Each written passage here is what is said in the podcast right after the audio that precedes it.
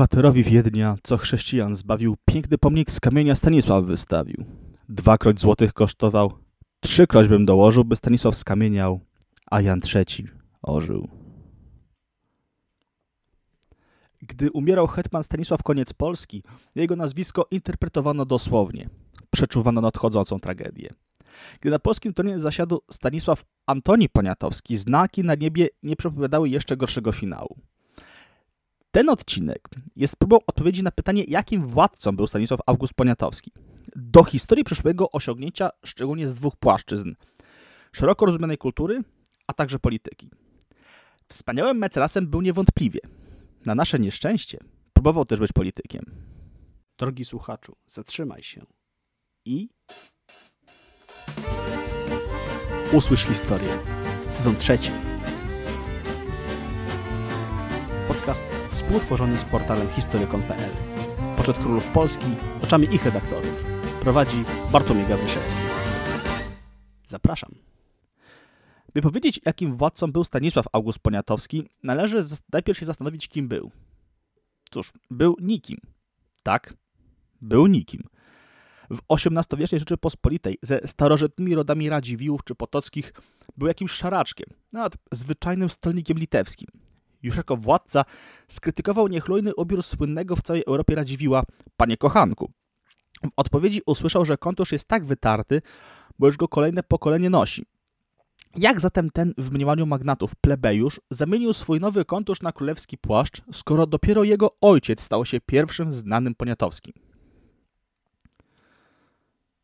Śmierć Augusta III i pokój w Hubertusburgu rozpoczęły nową epokę w historii Polski i Europy. Na kontynencie powstał nowy układ sił system północny i południowy. Podstawą tego pierwszego były Prusy i Rosja. Wybór władcy pogrążonej w anarchii Rzeczypospolitej co prawda już dawno przestał być tylko jej sprawą, lecz ta elekcja obnażyła go całkowicie. Nie oszukujmy się, elektor był jeden, Katarzyna II. W instrukcji do Kesserlinga i Repnina napisała po zgłębieniu wszystkich motywów i nie wdając się we wszystkie możliwości, jest prawdopodobne i nieodzowne, że osadzimy na tronie polskim przychylnego nam piasta, użytecznego dla naszych rzeczywistych interesów. Jeden słowem człowieka, który tylko nam zawdzięczać będzie swoje wyniesienie. W osobie stolnika litewskiego, hrabiego Poniatowskiego, znajdujemy wszystkie warunki niezbędne naszej przychylności i konsekwencji postanowiliśmy wynieść go na tron Polski. Nauczona doświadczeniem poprzedników, caryca uznała, że nie, niekorzystne byłoby kontynuowanie Unii Polsko-Saskiej, gdyż mający oparcie w Saksonii Wettynowie często prowadzili politykę sprzeczną z interesami Rosji. Od ostatnich lat panowania Augusta II dobrze wiadomo, do czego zdolny jest obcokrajowiec wybrany królem Polski, posiadający swoje państwo dziedziczne i dochody. To, że niedawno zmarły August III niczego nie dokonał, wynikało z indolencji jego charakteru, z faktu, że jego minister był niestały, rozrzutny i pochłonięty niskimi intrygami. Jest także prawdą, że wydarzenia zawsze obracały się na jego szkodę. Z drugiej strony zabrakło mu czasu, by dojść do jakiegoś dobrego wyniku. Zawdzięczający wszystko Katarzynie Poniatowskiej miał być inny. Miał, bo nie był. Nim zagłębimy się w szczegóły polityki króla, musimy podkreślić pewną kwestię. Choć ogólnie zgadzamy się, iż Rzeczpospolita potrzebowała gruntownych reform, to jednak uważamy, iż należy uwzględnić, kiedy i jakie wprowadzano. Bowiem od polityka, od władcy zależnego kraju z silną, pełną pogardy opozycją, bez własnego stronnictwa, no, to miała być familia, lecz, lecz czartoryscy obrazili się, że królem został nie jeden z nich, Wymaga się nade wszystko realizmu, zespół cynika, właściwej oceny sytuacji, a wreszcie kroków małych i przemyślanych. To wszystko to, czego Poniatowski nie zrobił. Bezpośrednio po wyborze przystąpił do gruntownej reformy państwa bez oglądania się na Rosję. Na Sejmie 1766 roku usiłowano zlikwidować liberum veto w kwestiach ekonomicznych. Prusy i Rosja zagroziły wojną. We wspomnianej instrukcji Katarzyna wyraźnie pisała: Powinniśmy zwracać naszą całą uwagę, by teraźniejsza forma rządu polskiego pozostała w zupełności nienaruszona, by nie zmieniło się prawo jednomyślności na sejmach, by nigdy nie zwiększono liczebności sił zbrojnych. Na tym zasadza się fundament naszej polityki imperialnej, za pomocą czego bezpośrednio oddziałujemy na politykę europejską. Tych zasad zawsze trzymała się bezwzględnie Dlatego uznając, że Poniatowski jednak nie gwarantuje braku zmian, wraz z Fryderykiem II poczęła forsować sprawę dysydentów. Chciała tym utrudnić królowi działania. Miało to olbrzymie konsekwencje, bowiem przez Konfederację Toruńską, Słudzką, a później Radomską Sejm 1768 roku prawa kardynalne i porwanie senatorów doprowadzi do Konfederacji Barskiej. Król znalazł się w bardzo ciężkiej sytuacji. Po szaleństwie reform w pierwszych chwilach panowania nadszarpnięte zostało zaufanie protektorki i głównego oparcia dla jego rządów. Z drugiej strony miał przeciwko sobie masy szlacheckie, które przystąpiły do walki z uzurpatorem i tyranem. Propozycje kolejnych rosyjskich dyplomatów, zawiązanie własnej konfederacji, zwołanie sejmu pacyfikacyjnego na przykład, król odrzucił, mimo że jasno go informowano, iż jeśli tego nie zrobi, budżet płocho. Wobec zajęcia przez Austriaków Spisza i forsowania przez Prusaków rozbioru Polski, konsekwencje wydawały się oczywiste. To pochopne, bezmyślne decyzje króla z pierwszych lat panowania uruchomiły lawinę niefortunnych zdarzeń. W chwili próby król zawiódł. Jedyną szansą była uległość wobec, wobec Rosji. Król jednak tego nie zrobił. Katarzyna II doszła zatem do wniosku, że tylko nad okrojoną terytorialnie Rzeczpospolitą będzie mogła nadal samodzielnie sprawować protektorat. Szok wywołany pierwszym rozbiorem przekonał króla do zmiany polityki. Stał się tym kimś z instrukcji. Współpracował ściśle z prokonsulem von Stackelbergiem. Ustanowienie Rady Nieustającej znacznie usprawniło rządy w Polsce. Rzeczpospolita wkroczyła w okres kilkunastoletniego harmonijnego rozwoju. W założonej w 1765 roku szkole rycerskiej kształciło się młode, patriotyczne pokolenie. Powołana w 1773 roku Komisja Edukacji Narodowej pchnęła szkolnictwo na nowe tory. Komisję uzupełniało Towarzystwo dla Ksiąg Elementarnych, które przygotowywało podręczniki. Król wspierał także rozwój kultury. Kto nie słyszał o obiadach czwartkowych, o Bogusławskim, Teatrze Narodowym, Łazienkach, Bakierelim czy Norblinie? Czas spokoju zaowocował rozwojem gospodarczym. Powstały nowe manufaktury, w tym słynne na Litwie przez Tyzenhausa, banki z teperem na czele, a oprócz przemysłu solidny bodziec dostał handel, gdzie korodnym przykładem jest kompania czarnomorska prowadzona przez Prota Potockiego. Jak widać, mimo rozbioru, Polska w ostatnim ćwierćwieczu XVIII wieku rozwijała się całkiem dynamicznie. Dlatego tym bardziej żal, że wszystko to zaprzepaszczono na Sejmie Wielkim.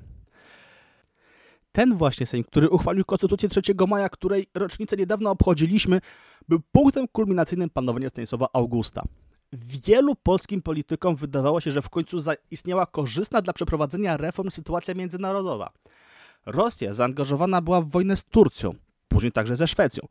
Prusy niechętnie patrzące na rozstające się Imperium Katarzyny II. Wobec niechęci do Petersburga najwięcej posłów oparcia dla zreformowanej Rzeczypospolitej szukało w Prusach, które miały chronić nas przed zemstą Rosji. Na początku Sejmu król sprzeciwił się zrywaniu zależności z Rosją. Mówił, że z Petersburgiem handlujemy, że nie mamy z nim sprzecznych interesów, że tylko Rosja ma tyle siły, by, oczywiście w razie uległości Polski, uniknąć kolejnych rozbiorów. Całkowicie z królem się zgadzamy. Z trzech zaborców tylko dla Rosji rozbiory były niekorzystne, bo zmieszały teren zależnego od niej państwa, a nowe nabytki wzmacniały Prusy. Nie znajdują potwierdzenia w faktach tezy Jerzego Łojka, że Prusacy byli do Polski życzliwie ustosunkowani, tylko ich zawiedliśmy. Jego zdaniem właśnie niezdecydowanie Polaków, a także uchwalenie nierozdzielności terytorium Rzeczypospolitej było przyczyną tego, iż rozpadł się plan związany z potrójną koalicją. Przeciwnie, z listów króla pruskiego wynika, iż Prusakom silna Polska była absolutnie nie na rękę. Bo obawiali się, że dostojna Rzeczypospolita upomnie się o Pomorze. Na kontaktach i sojuszu z Polską Prusy jednak skorzystały. Po podburzeniu Polaków i nieskutecznej pacyfikacji wojskami Katarzyny II wzięły udział w kolejnym rozbiorze. Tyle zostało z najdoskonalszej przyjaźni i wzajemnego szacunku obiecanych w tekście sojuszu polsko-pruskiego. Król spotkał się z ogromną krytyką posłów. Zarzuty kierowało właśnie to młode, patriotyczne pokolenie wykształcone w szkole rycerskiej i innych nowych placówkach. I król ugiął się. Tym samym popełnił największy błąd życia. Decyzja ta, naszym zdaniem, przesądziła o późnym opadku Polski. Czym powodowana była zmiana stanowiska króla? Wydawało się, że po pomyłkach z pierwszych lat panowania uświadomił sobie, iż tylko sojuszu z Rosją można zachować obecne granice. A jednak wyrzekł się tej polityki i przystąpił do stronnictwa pruskiego, zwanego powszechnie patriotycznym. Może, może zamarzyło mu się słowa Sobieskiego. Na początku tekstu przytaczaliśmy wierszyk o Janie III i Stanisławie Augustie. Sobieski cały czas cieszył się sławą króla zwycięzcy. Poniatowski zaś od początku był postrzegany jako uzurpator i pachołek Katarzyny II. W razie przystąpienia do obozu reform król mógł zyskać upragnioną popularność i tak było. Pojawiły się hasła król z narodem, naród z królem, wiwat król, etc.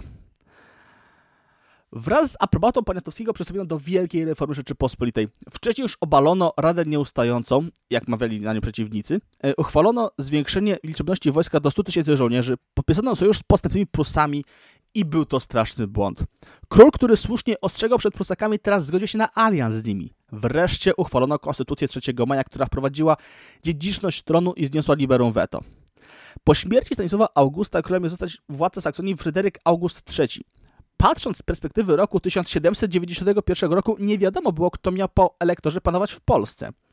Fryderyk August III ówcześnie nie miał synów, a jego córka była panną. Tak widziano dziedziczność tronu w ciężkich czasach. Wprowadzając te dwie zasady, łamano podstawowe cele polityki Katarzyny II. W kraju wybuchła euforia. Okrzyki wywad król, wywad konstytucja. Nie dostrzegano, że z każdą chwilą jest coraz mniej powodów do radości. Rosja zwycięsko wychodziła z wojny na dwa fronty. Do Petersburga skierowali swoje kroki Branicki, Potocki i Rzewuski. Prusy szykowały się do zdrady, powiększanie polskiej armii szło nieskładnie, a koncentrowało się na kłótni o kolor guzików w mundurach. Tymczasem Rosja zakończyła wojnę i wspierana przez wspomnianą trójkę Stargowicy wysłała swe wojska przeciwko Polsce pod pretekstem przywrócenia ustroju republikańskiego. Rozpoczęła się wojna. Nie wystawiono bitnej 100-tysięcznej armii, nie było wyszkolnych żołnierzy. Takim zaprzeczem mogły być wojska magnackie, które bardzo liczne i dobrze wyposażone znalazłyby się swoje miejsce w armii narodowej. Znalazłyby, gdyby realnie istniały. Jak podaje Emanuel Rosforowski, król we wszystkich projektach konstytucyjnych przeciwia się istnieniu wojsk prywatnych. Według różnych danych z opracowań Wolańskiego, Bratajczyka czy Derdeja wystawiono tylko 56 do 65 tysięcy średniej jakości wojska, którego kawaleria prócz pułku przedniej straży niestety zazwyczaj czmychała przed zaprawanymi w bojach Moskalami. Mimo wygranych pod Zieleńcami i Dubienką, armia koronna cały czas się cofała na Litwie, w wyniku zdrady jeszcze było gorzej. Katarzyna II nie myślała o żadnych negocjacjach, żadnych umowach ze Stanisławem Augustem. Nakazywała mu przystąpienie do Targowicy, wyrzeczenie się osiągnięć Sejmu Wielkiego, porzucenie sławy i poparcia podanych, a raczej obywateli. Podczas rozmów na Zamku Królewskim, w których uczestniczyli m.in. Małachowski i Kołątaj, większość, w tym sam Kołątaj, dziś jeszcze miłościwy panie, trzeba dozrobić nie jutro, każdy moment jest drogi, bo go krew Polaków oblewa, poparła przystąpienie do Targowicy.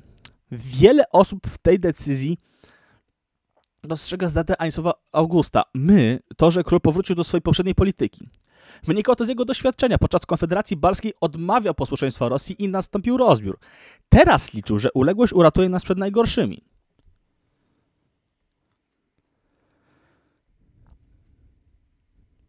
Przeliczył się jednak.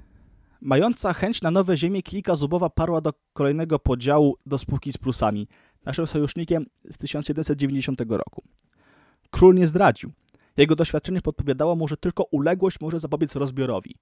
Nie jest winą Poniatowskiego, że po porażce Prusaków pod Walmy rozbiór był już pewien. Każdy chciał powetować swoje straty. Kardynalny błąd król popełnił dużo wcześniej, podczas Sejmu Wielkiego, gdy przystąpił do obozu reform skrajnie sprzecznych z interesami Rosji. Już wtedy było pewne, że Rosja po uporaniu się z własnymi problemami zajmie się także naszymi. Tego jednak nie dostrzegano, za co przyszło nam słono zapłacić. Przez całe panowanie Stanisława Augusta byliśmy jak ten skazaniec z anegdoty. Jeśli stoisz przed protonem egzekucyjnym, w ramach ostatniego życzenia poproszę o papierosa. A może coś się wydarzy, zanim ci go przyniosą. Staliśmy przed Plutonem i to w dużej mierze od nas zależało, czy przeżyjemy. Polscy politycy, w tym król, problemy wojenne Rosji potraktowali tak, jakby Plutonowi egzekucyjnemu skończyła się amunicja. Tymczasem zaborcy tylko przeładowywali broń, a po przeładowaniu papieros nie był, nam nie przysługiwał. Drugi rozbiór, kryzys gospodarczy, niezadowolenie społeczne, chęć walki o niepodległość wpłynęły Polaków do walki w 1794 roku. Czy mieliśmy szansę na pokonanie Prus i Rosji? Porównanie potencjałów państw daje raczej, mówimy raczej, gdyż planujemy to w przyszłości powrócić do tej kwestii, jednoznaczną odpowiedź. Co zatem należało robić? Choć to ciężko było sobie wyobrazić, należało czekać na rzeczywistość pewnej sytuacji międzynarodowej, która w 1794 roku była dla nas wybitnie niekorzystna. Przeciwko powstaniu opowiedział się Stanisław August. Obecne przedsięwzięcie Kościuszki uczyniło wiele złego dla kraju przez zniszczenia z obu stron, ponieważ oddziały wojskowe maszerują w pośpiechu, bez zaopatrzenia i bez furgonów, a utrzymują się tylko kosztem mieszkańców, nie płacąc w czasie przemarszów i zabierając zwierzęta, a nawet samych chłopów. Przerywa pracę w polu, także po wielkiej biedzie w poprzednim roku bieżący może doprowadzić do prawdziwego głodu. Jestem zmuszony działać w powiązaniu z Rosją przeciw Kościuszce, jako przeciw rebeliantowi, ponieważ nie uznaje on ani autorytetu mego, ani powagi obecnego rządu. Jestem też związany traktatem przymierza podpisanym w Grodnie, a trzymanie się tego przymierza jest jedynym sposobem zachowania pomocy Rosji wobec zachłanności Prus. Użyją one bowiem wystąpienia Kościuszki jako pretekstu, by powiedzieć imperatorowej, należy niespokojnych Polaków zgnieść, trzeba podzielić między nas resztę ich kraju aż do zniesienia imienia polskiego. Jest moim obowiązkiem trzymać się Rosji, gdyż ona gwarantuje wolę położenia tamy wszystkich uzurpacji tamtej strony wobec naszych ziem, pod warunkiem, że pozostaniemy wierni naszemu traktatowi przymierza z nią. Tak napisał w liście do księcia Józefa Poniatowskiego. Czyż niesłuszne były jego słowa? Szkoda tylko, że dopiero wtedy zrozumiał, jaka jest jedyna droga do pełnej suwerenności. W 1794 roku było już za późno. Maciejowice i rzeź Pragi przesądziły o upadku Rzeczypospolitej. Król szantażowany długami abdykował. Imię Polski miało być na zawsze zapomniane. Na ironię losu zakrywa fakt, że to, na co tyle czekaliśmy, czyli zmiana sytuacji e, międzynarodowej nad korzystną, miała miejsce w rok po trzecim rozbiorze. Zmarła Katarzyna II, tron objął Paweł I, który jasno stwierdził, że wtedy, gdy wtedy rządził, nie byłoby rozbiorów. Monitor, Korpus Kadetów, Teatr Narodowy, Obiedy Czwartkowe, Komisja Edukacji Narodowej, Konstytucja 3 maja. Niewątpliwie są to wybitne osiągnięcia. Ogromna w tym zasługa króla. W ciągu jego panowania zmieniało się niemal wszystko. Zniknęła zastępowana czyszem pańszczyzna. W tej materii polecamy także artykuł doktora Racowa Sikory o chłopach w I Rzeczypospolitej, bo to fascynujące zagadnienie, o czym dowiecie się w portalu historykom.pl. Znikała ciemnota, znikała anarchia, Największą jednak zmianą w dużej mierze przez błędy króla było to, że znikała i ostatecznie zniknęła także Rzeczypospolita. Ze tego hasła król z narodem, naród z królem, to tylko naród, bo króla już nie było. Wysłuchaliśmy artykułu Jakuba Witczaka pod tytułem Stanisław August, koniec Polski. Trochę dość ironiczne, że to właśnie w tym artykule kończy się również podcast Usłysz Historię. To były naprawdę wielkie trzy sezony, za które bardzo dziękuję za każde odsłuchanie. Pamiętajcie, historię tworzymy my wszyscy, a po raz ostatni Wam mówię do usłyszenia.